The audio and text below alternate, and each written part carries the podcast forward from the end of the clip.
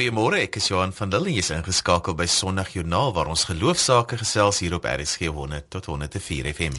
Ek is Lizade Brein en ons produksieregisseur is Neil Roo. Ons hou jou geselskap tot en met die 8 uur nuus en ons het soos gewoonlik 'n propvol program met stories wat die afgelope week of twee heelwat in die nuus was en ook een of twee wat afgeskeep is. Ons gesels vanoggend oor die algemene sinode van die NG Kerk se vier belangrikste sake waaroor daar besin is. Dr Bram Hanne kom gesels oor artikel 1 en bel haar, terwyl Dominee Nelis Jansen van Rensburg gesels oor selfde geslag huwelike. Dominee Herden van Niekerk gesels oor die vertolking van tekste en die geloof en wetenskap en Dr Frederik Maree gesels oor die samewerking tussen kerke en laastens gesels ons met Dr Chris Jones oor hoe 'n mens prakties liefde kan uitleef. Jy hoef natuurlik niks mis te loop nie want jy kan ook Sondagjoernaal as 'n potgooi gaan luister op RSG se webwerf by rsg.co.za. Ons gee vandag twee boeke weg. RSG se sielsgedagtes is nou in boekvorm beskikbaar. Ons gaan een boek op die SMS-lyn weggee, so stuur vir ons 'n SMS na 34024 met jou naam en ook hoe laat sielsgedagtes in die oggend op RSG uitgesaai word. Dit is jou naam en hoe laat die sielsgedagtes in die oggend op RSG uitgesaai word. Vir die tweede boek moet jy by ons Facebook gemeenskap aansluit. Like die bladsy en sê vir ons hoe laat in die aand sielsgedagtes uitgesaai word. Vir die SMS-lyn is dit die oggendsielsgedagte en op die Facebook bladsy is dit die aandsielsgedagtes. Die rekenaar sal die wenners kies en Margaret sal dan maandag die wenners kontak.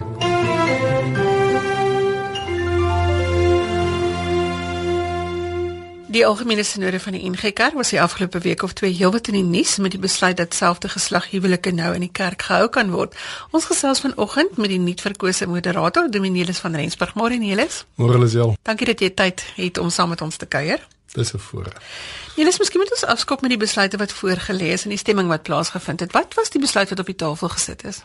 Kyk, die besluit het uit die vergadering uitgekom, die voorstelle en dis dis daar uh, verbeter. Ons het in die vergadering 'n proses gevolg om uh, die beste besluit uiteindelik te neem. Daar was 'n voorstel, daar was 'n ander voorstel gewees. Ons het die twee voorstelle ehm um, tussen dit gekies en toe die voorstellers van beide gevra om bymekaar te kom en te kyk hoe kan ons die beste van die afgekeerde voorstel tog inneem in die uiteindelike voorstel wat op die tafel was. En uh, so daar was 'n was 'n gees van samewerking gewees binne die sinode om te kyk dat ons tot die beste besluit kom en ek dink die proses het baie gehelp dat ons inderwaarheid 'n goeie of 'n beter besluit geneem het. Soos jy weet is daar kernkwessies, uh, dit gaan oor predikante in die bediening um, met homoseksuele oriëntasie wat inderdaad toegelaat is en dan ook die hele ding van die bevestiging van selfde geslagverhoudings. Daar is ook die besluit geneem oor die huwelik dat die huwelik inderdaad 'n heteroseksuele aangeleentheid is want dis al hoe die Bybel daaroor praat. Ons ons ken niks anders as dit nie en vir eeue was dit die enigste inhoud aan daai taal dat 'n huwelik 'n verhouding is tussen een man en een vrou.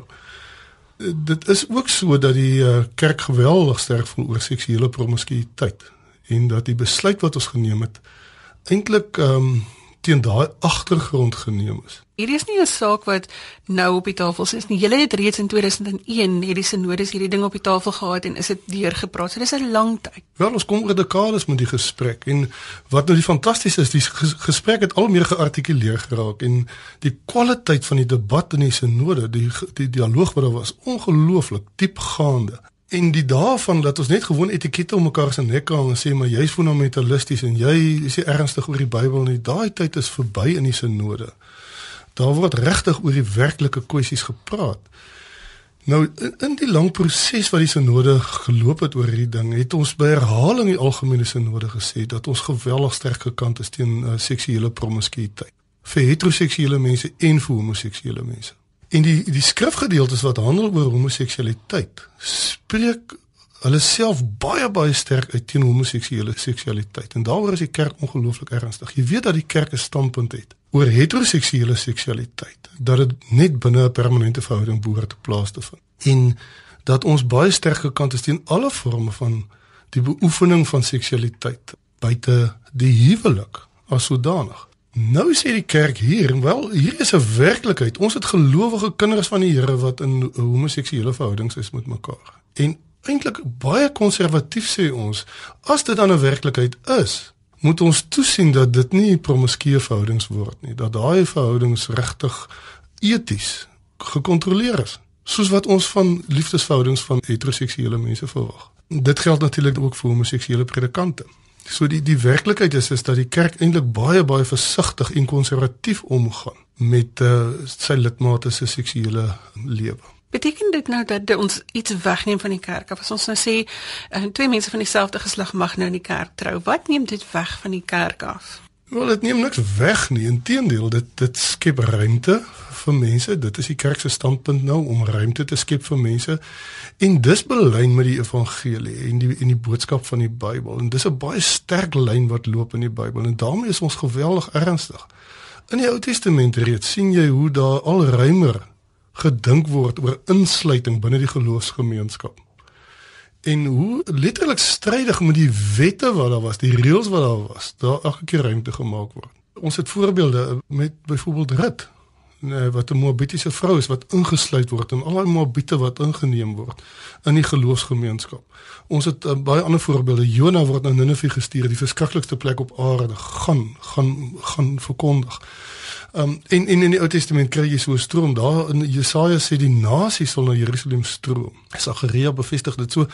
Daar's 'n groot aanduiding van al groter inklusiwiteit. Natuurlik Jesus bevestig dit met sy lewe. Hy uh kom beweeg oor grense, hy sluit mense in, hy maak ruimte vir mense. Al wat dit doen is is dat dit 'n ruimer huis skep waarin ons inderdaad baie eties wil omgaan met die tekste wat handel oor homoseksualiteit baie verantwoordelik daarmee wil omgaan en sê as daar dan homoseksuele verhoudings bestaan wat nou klaarblyklik 'n werklikheid is, dis ons gelowiges se werklikheid, mense se werklikheid, dan um, moet ons daai sewe skrifgedeeltes, wat het daai uh, skrywers destyds gesê vir die mense vir wie hulle geskryf het, dit moet ons baie ernstig neem en ons doen dit inderdaad met hierdie besluit.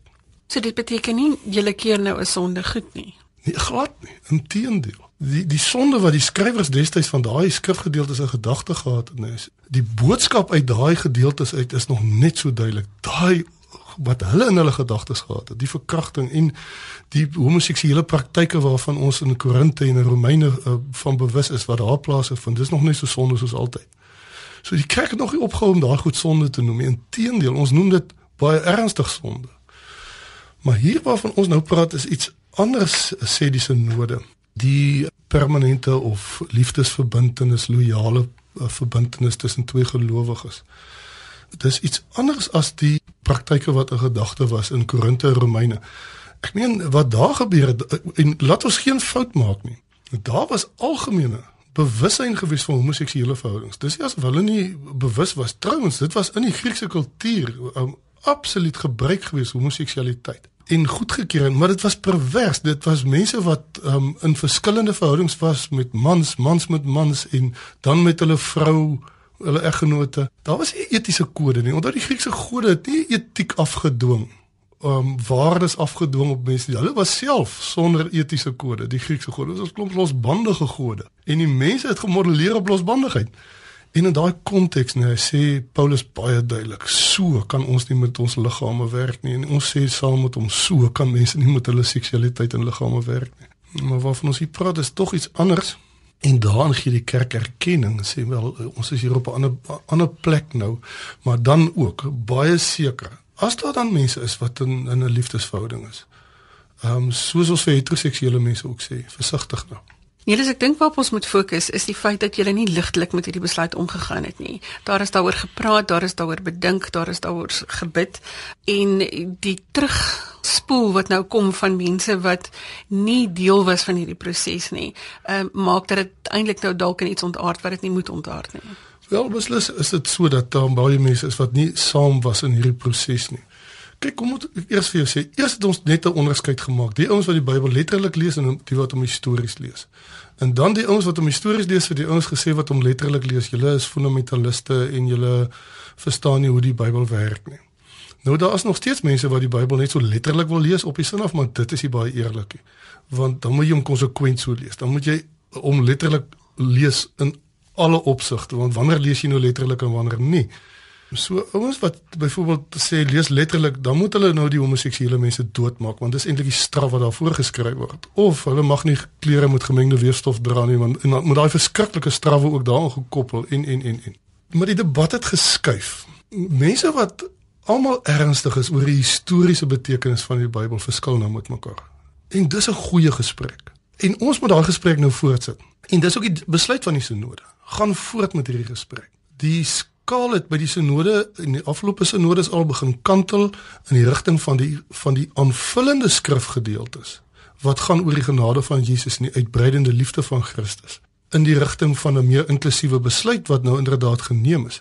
Maar die gesprek moet voortgaan oor die betekenis van die skrifgedeeltes. Daai sewe sogenaamde tekste wat handel oor homoseksualiteit. Daai is baie belangrike skrifgedeeltes want dit sê vir ons daar's 'n boodskap daarin. En daai boodskap is ons besig om verder en verder en ernstig te neem en toe te pas op ons huidige realiteit. Ek het gesels met Dominee Nelis Jansen van Rensburg, die nuut verkose moderator van die algemene sinode. Nelis, baie dankie dat jy vanoggend die insigte met ons kom deel het. Baie dankie Lisel, is 'n voorreg. En so gesels Dominee Nelis Jansen van Rensburg. As jy sopas ingeskakel het, sê ons goeiemôre. Dis Sondag Joernaal saam met Johan en Dezel.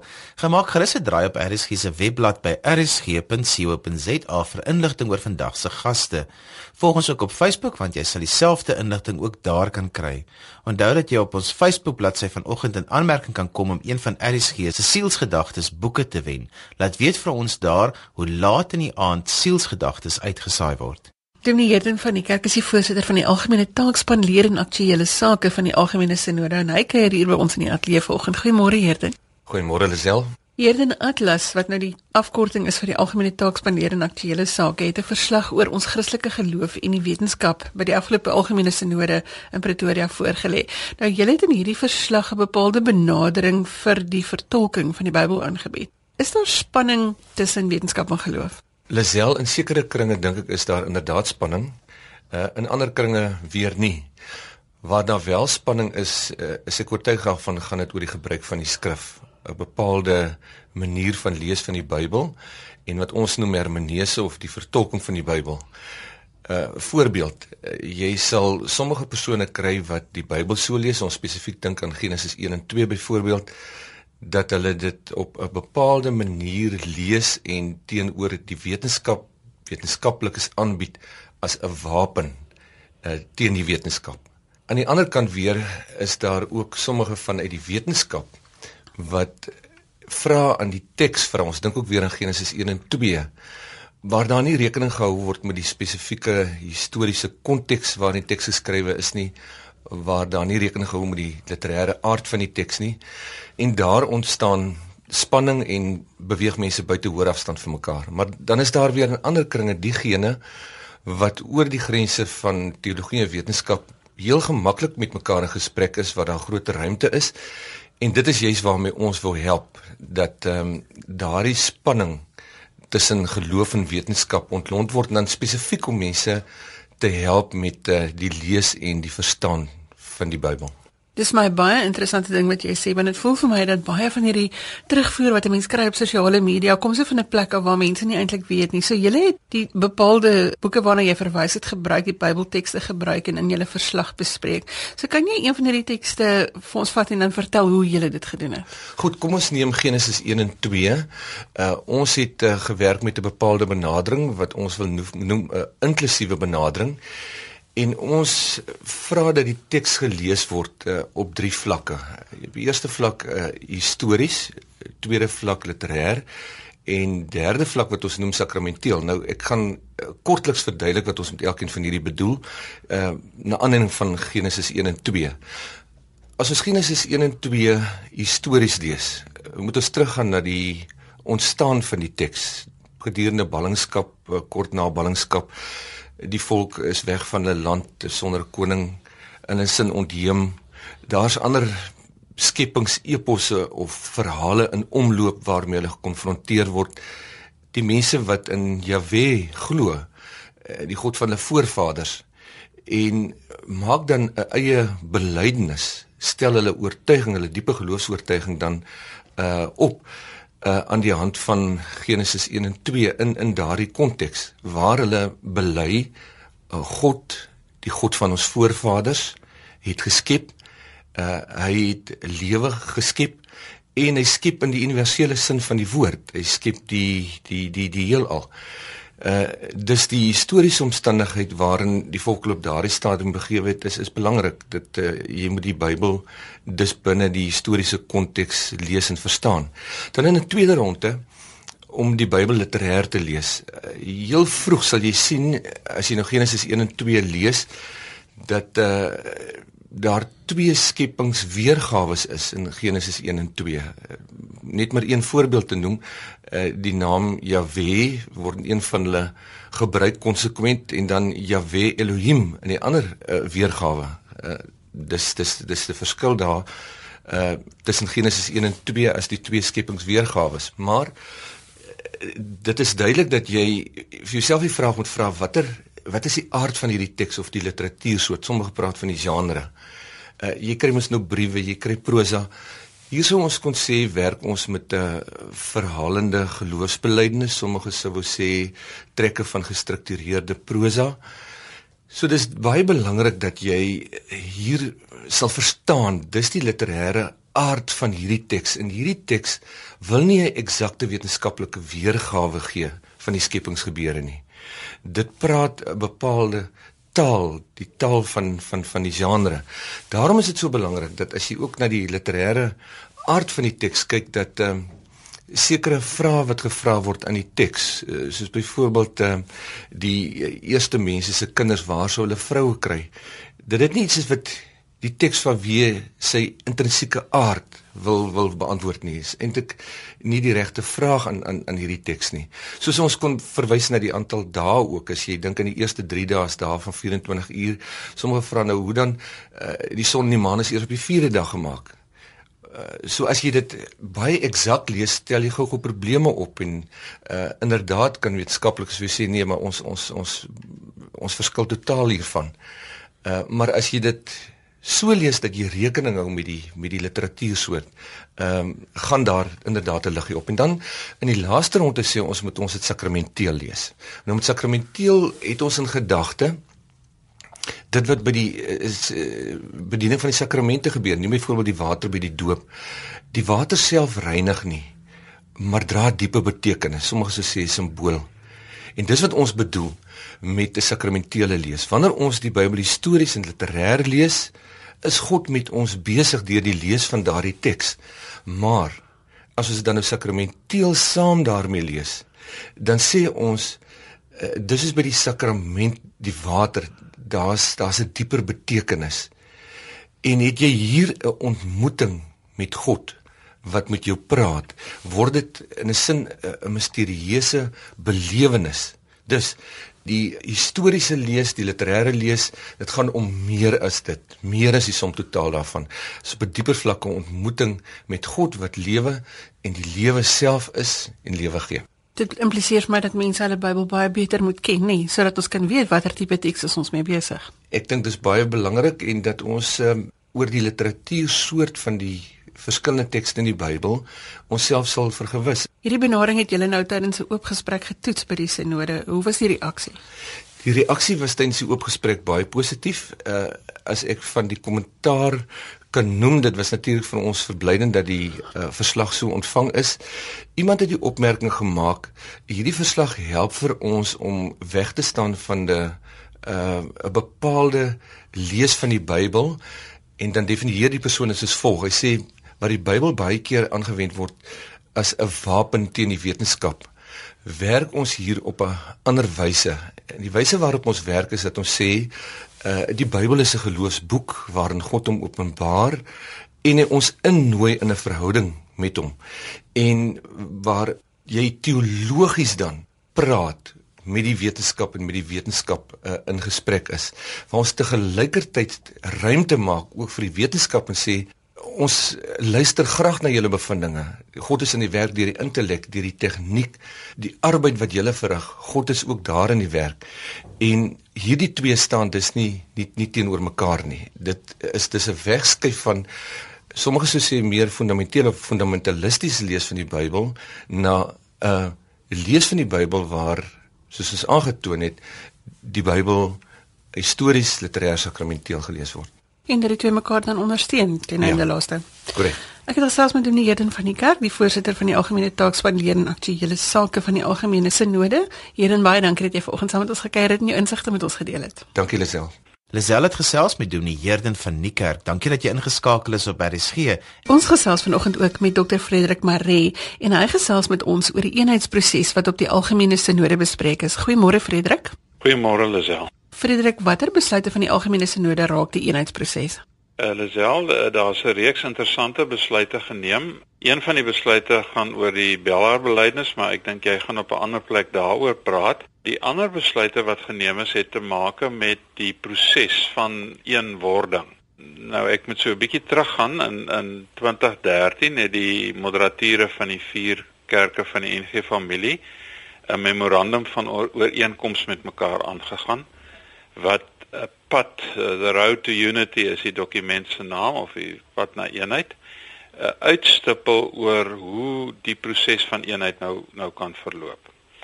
En uit dit uit is daar toe besluit om 'n tussentydse kerkorde te ontwikkel vir ringe of gemeentes of uh, sinodale werksamehede wat in die nuwe eenheidsverband wil saamwerk.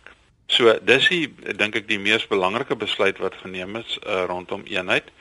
Die kerkorde is voorberei voor die uh, sinode en is toe gedien en is toe so goedgekeur. Wat is die tussentydse kerkorde wat goedgekeur is? Dit is 'n uh, orde wat samewerkende of eenheidsstrukture bestruktureer sodat hulle nie onder een van die vier kerke se kerkorde funksioneer nie.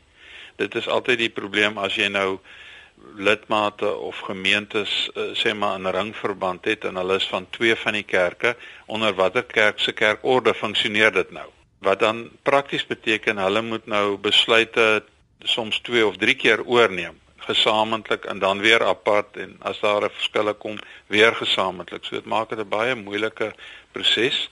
So wat nou gebeur is as 'n ring byvoorbeeld 'n eenheidsring vorm dan kan daardie ring onder die tussentydse kerkorde as eenheidsring funksioneer en kan dan selfstandig hulle besluite neem. Hoe pas dit in in die memorandum van die ooreenkoms en die padkaart na eenheid tussen die kerke? Op die padkaart van eenheid was dit uitgestipel dat dit een van die landmerke op die pad na eenheid sou wees. Eintlik was die aanvanklike bedoeling dat dit eers later sou kom, eers nadat daar gesamentlike algemene sinode eh, bymekaar gebring is ensovoorts. Maar soos wat die moderateure gesels het, het hulle besef maar eintlik gaan dit nou geweldig baie help want daar is reeds gemeentes en of ringe en ander bedieninge wat saamwerk, maar hulle hulle sukkel met hierdie praktiese probleem. En wat hulle toe gedoen het is hulle het die kundigheid van die uh, eh, PKN, die Protestantse Kerk van Nederland, uh, ingekry onder andere professor Leo Koffeman en hy het in 'n werkswinkel vir hulle begelei want dit is presies wat hulle ook gedoen het in Nederland destyds toe hulle die uh, gereformeerde hervormde en lutherse kerk in een kerk bymekaar gesit het is hulle het so tussentydse orde ontwikkel sodat gemeentes en ringe wat gereed was alreeds kon begin om as eenheidsliggame te funksioneer. Die tussenorde maak dit nou moontlik dat die mense of gemeentes of ringe wat gereed is kan nou vorentoe beweeg. Maar mense wat nog nie gereed is nie of streke wat nog nie gereed is nie, hoef nie. So dis nie 'n orde wat vir almal geld nie. Dit geld vir die uh gemeentes en ringe en streke wat in 'n een eenheidsverband wil begin saamwerk. So dis niks wat op niemand afgedwing word nie. Op niemand afgedwing nie, maar niemand word is ook gefrustreerd nie, want dit was ongelukkig die situasie tans dat 'n mens nie vorentoe kan beweeg nie omdat sommige nog nie gereed is nie. En nou het jy daardie openheid dat die wat gereed is uh, vorentoe kan beweeg. Dr. Frederik Maree is die assessor van die Wes-Kaapse Sinode en hy het met ons gesels oor die eenheidsproses wat by die algemene sinode bespreek is. Baie dankie Frederik dat jy vanoggend met ons jou insigte gedeel het. Dis 'n plesier.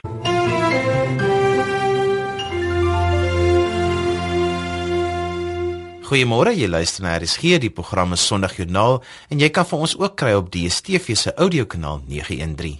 Dr. Bram Hanne kom ons van die Sentrum van Publieke Getuienis van die Sinode van die Wes-Suid Kaapland en hy sluit vanoggend by ons aan om te gesels oor besluit wat by die algemene sinode goedgekeur is. Môre Bram. Goeiemôre. Goeiemôre aan al die luisteraars. Bram, jy het so 'n bietjie gesels oor artikel 1 en die Bellaar getuienis. Vertel ons wat was op die tafel? Op die tafel was 'n een eenvoudige versoek van die Sinode van Wes-Suid Kaapland wat tydens die uh, afgelope sinode geneem is van die streeksinode dat die algemene sinode toestemming gee aan die streeksinode of dan eh, enige sinode per definisie wat eh, 'n uh, versoek sou rig om die belydenis van Belhar of enige ander belydenisskrif wat nie in stryd is met die skrif nie as 'n sinode te aanvaar.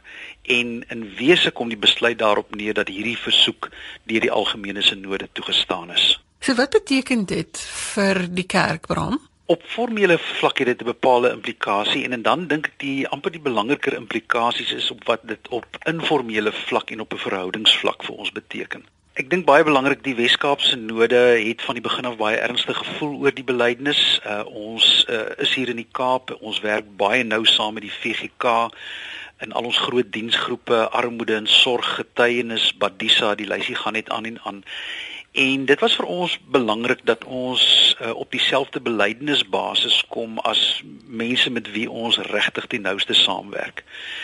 En nou het die algemene sinodes uh, gegaan en gesê ons het uh, begrip vir julle unieke situasie en konteks en ons gee graag vir julle toestemming. Ons moet ook in gedagte hou by die afgelope streeksinode was daar met 82% van die stemme, dit is uh, met geslote stembrief van die 700 afgevaardigdes is hierdie besluit en versoek geneem. Is hierdie besluit geneem dat die versoek gerig word aan die algemene sinode. So op 'n formele vlak het dit gebeur.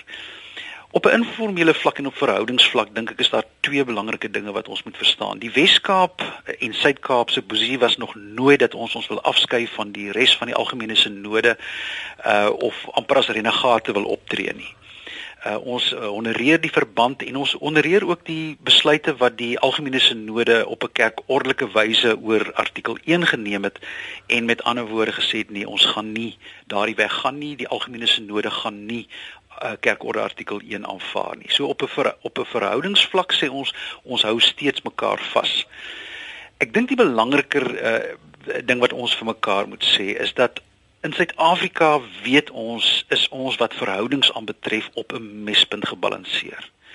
Ons kan maar net na die nuusberigte om ons kyk. Ehm um, rasisme is aan die groei en dit voel vir ons of verdeeldheid eintlik groter word as 'n paar jaar gelede. En ons het elke moontlike instrument nodig om ook as kerk 'n leidinggewende rol te speel.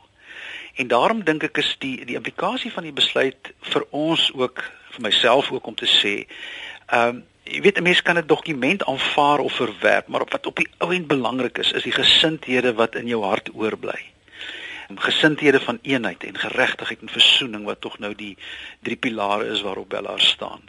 En ek hoop en ek het die regtig begeerte van my hart is dat um, op 'n beskeie manier sal hierdie dokument hierdie belydenis in die Wes-Kaap uh, sy voete vind en mag ons dan 'n beskeie bydrae lewer aan die eenheid en die herstel uh, soos ander gelowiges dit ook wil doen maar in Suid-Afrika ter wille van ons kinders en ons kleinkinders.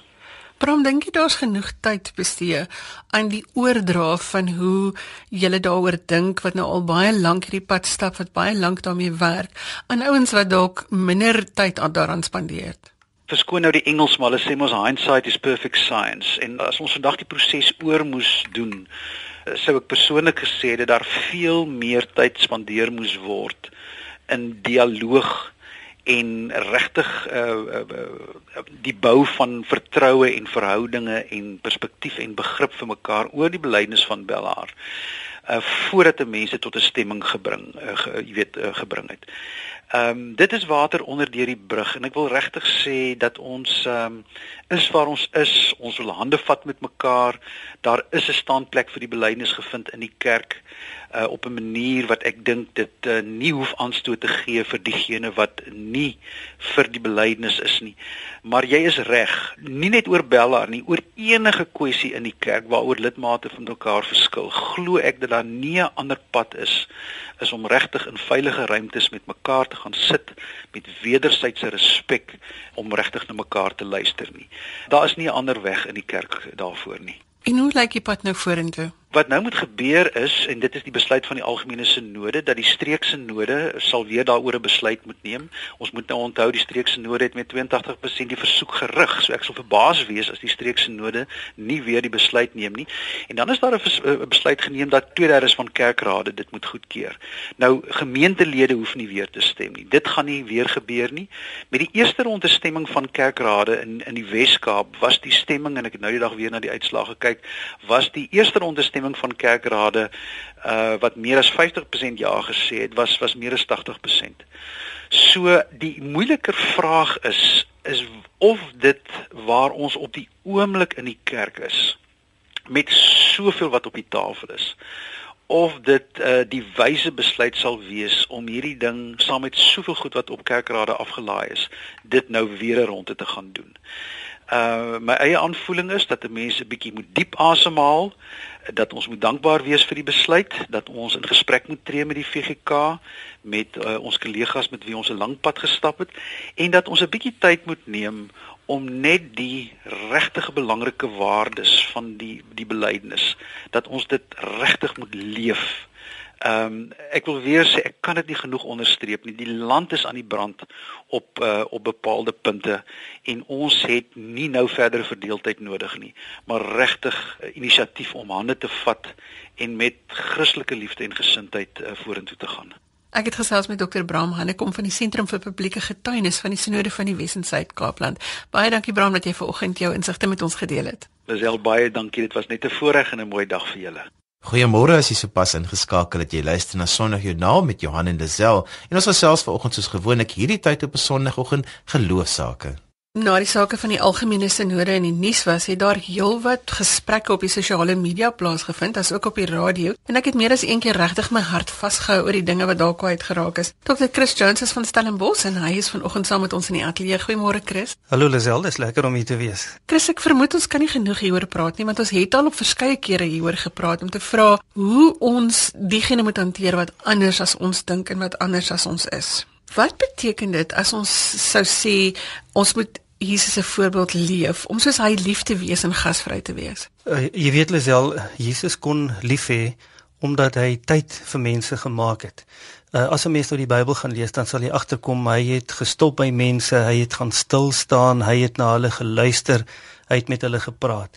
En as 'n mens nou mooi daaroor dink, jy weet jy kan nie regtig lief hê of gasvry wees of omarm as jy hastig is nie.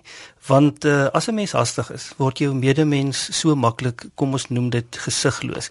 Richard Foster het um, in een van sy boeke gesê, "Hurry is not of the devil, it is the devil." So so ek dink tyd is verskriklik belangrik. Uh ek meen dit was Karel Barth wat gesê het die stelling God openbaar hom aan ons is gelykstaande aan die stelling God het tyd vir ons. So mense sou ook verder kon gaan en sê die hele gedagte van die woord wat vlees geword het beteken eintlik die woord het tyd geword. So tyd is vir Christene nie leeg nie. Dis nie iets wat uitloop nie, maar 'n mens moet dit vul met Jesus, met sy voorbeeld en met sy lewe. So tyd is vir die Christen eintlik vervulde tyd. So as ons Christus se voorbeeld wil navolg, moet ons tyd maak vir ons medemens, veral ook vir die vreemdeling, veral ook vir die persoon wat anders is en anders dink as ons. Jy moenie net oor daardie persoon praat nie, maar jy moet met hulle begin praat want dan kan jy lief hê, dan kan jy hulle verstaan en dan kan 'n mens eers regtig iets vergestalt van die deernis en omgee van Jesus Christus. Wat sê hierdie verstaan van tyd vir ons van die koninkryk van God of van kerkwees vandag? Waarom mens so optree Lisel met ander woorde waar mens tyd maak vir mense? Uh, het ek al dikwels agtergekom verander die harte uh, van mense. En hierdie verandering van die hart van 'n mens is eintlik die kern van etiek. So die koninkryk uh, gaan oor gebeure wat sodanig inbreek of inspeel op die lewe van mense dat hulle jy weet totaal verras word. Lees 'n bietjie die Bybel. Jy weet daar is feitelik op elke bladsy hierdie uh verrassende inspel op mense se lewe deur ander mense of deur die godheid. En dis waar die koninkryk van God gebeur. Dis eintlik wat kerkwees is. Ons moet sodanig inkom in die lewe van ons medemens ook in die lewe van die vreemdeling, ook in die lewe van die persoon wat anders is en anders dink as ons, dat hulle amper totaal onkant gevang word, dat hulle verras word. Maar dit gebeur vir ander mense en daar kom die koninkryk van God. So die vestiging van die koninkryk van God gaan eintlik oor 'n nuwe begin. En hierdie verrassende inspel in 'n mens se lewe is 'n gawe. Natuurlik is dit nie 'n gawe wat vergiftig nie, maar dit is 'n gawe wat heilig, wat heel maak, wat gesond maak, wat mense bevry en wat insluit. So wat jy sê is dat die koninkryk inklusief is. Ons mag niemand uitsluit nie.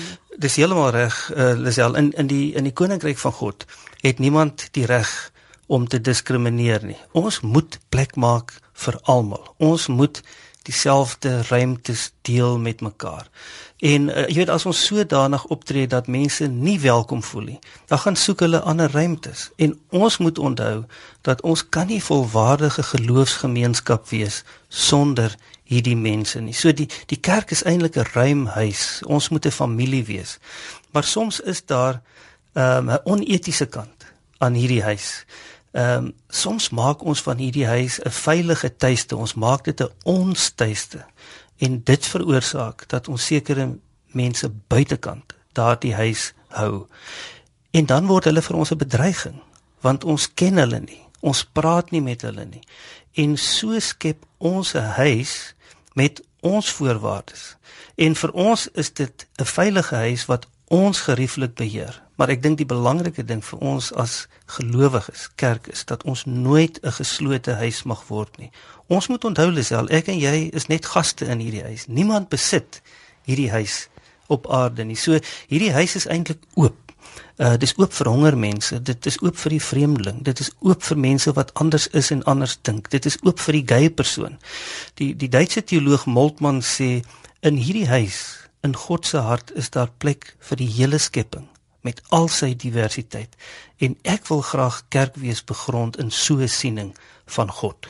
So hoe moet mense dink oor Jesus wat saam met die tollenaars en die sondaars geëet het, Chris? Ja, dis 'n goeie vraag uh Lisel want uh, volgens die evangelies as 'n mens dit mooi lees het daar vrae ontstaan by mense hieroor en in die oë van baie mense as 'n mens dit so kan sê het Jesus eintlik vreemde taalmaniere gehad en het hy ook 'n geweldige vreemde gastelys gehad. As 'n mens kyk met wie hy gemeng het.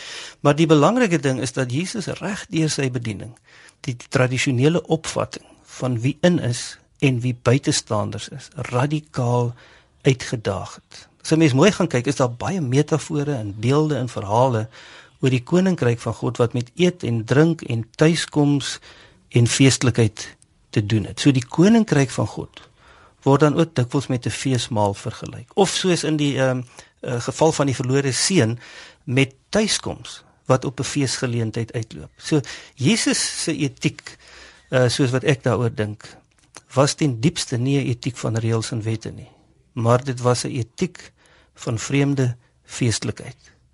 En juist dit het tot soveel kritiek by sy teenstanders gelei.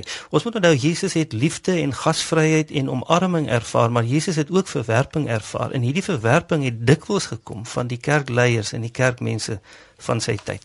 Maar as ek nog dit kan sê, uh, Lisel, die die koninkryk van God het eintlik met identiteitsverruiming te doen. Dit het te maak met 'n ruimhuis en 'n tafel met baie sitplek. So die die koninkryk van God is verwelkomend dit is oop. En ek dink God se verbintenis aan ons het nie primêr te doen met reëls en wette nie, maar vir God gaan dit oor mense. Dit gaan oor sy kinders. Kinders wie se lewe soms te kompleks is om volledig die reëls en wette omskryf en bepaal te word. Nie dat reëls nie belangrik is nie. Dit is ook belangrik, maar dit gaan oor 'n voortdurende herformulering van jou identiteit van wie jy is in die lig van die liefde wat Jesus vir ons kom demonstreer het. Chris ons het nou gepraat oor die sinode besluit. Dit sou in die lig van hierdie besluite wat mense nou baie diep van mekaar laat verskil, wil ek tog vra of jy dink dat die kerk tyd kan gebruik waaroor ons nou gepraat het, tyd en liefde teenoor mekaar om weer mense bymekaar te bring. Uh ek ek dink absoluut so Lisel. Ehm um, uh die sinode het die laaste tyd uh, enkele besluite geneem waaroor ek baie opgewonde is, maar wat ons weet uh waaroor daar diep verskille is en waaroor daar ehm um, diep verdeling is. Uh en en ek dink daar is herstelwerk wat gedoen moet word. Na na meer as een een kant toe. Ehm um, en hiervoor sal die kerkleierskap of 'n taakspan dink ek tyd moet deurbring by gemeentes en kerkrade wat nie gelukkig is oor hierdie uh, besluite nie. Dis al hoe 'n mens as jy tyd gaan deurbring met hulle, hoe jy verskille en verdeling effektief kan aanspreek. Ons moet alle mense in hierdie huis probeer vashou. Ook mense wat anders dink, ook mense wat teleurgesteld is, ook mense wat van ons verskil. Ons wil nie hê mense moet hierdie huis, hierdie tafel verlaat nie, maar daarvoor sal ons tyd saam met hulle moet deurbring. Dankie Chris vir jou saamkuier in die ateljee. Baie dankie, dit was 'n groot voorreg. En daarmee het dit tyd geword om te groet. Volgende Sondag is ons in die eerste week van November. Dit klink vir my so 'n bietjie onwerklik, maar nietemin, ons gesels dan weer oor geloofsake. Stuur vir my 'n e-pos by Lisel by www.co.za as jy 'n storie het of jy kan ook vir ons 'n boodskap deur die webwerf stuur by rsg.co.za. Dit is Lisel L E Z E L E by www.co.za of by rsg.co.za. Tot volgende week groet ek ook namens ons produksieregisseur Neil Roo agter die kontroles. Volgende Sondag kuier ons weer saam. Tot dan, totsiens. -hmm.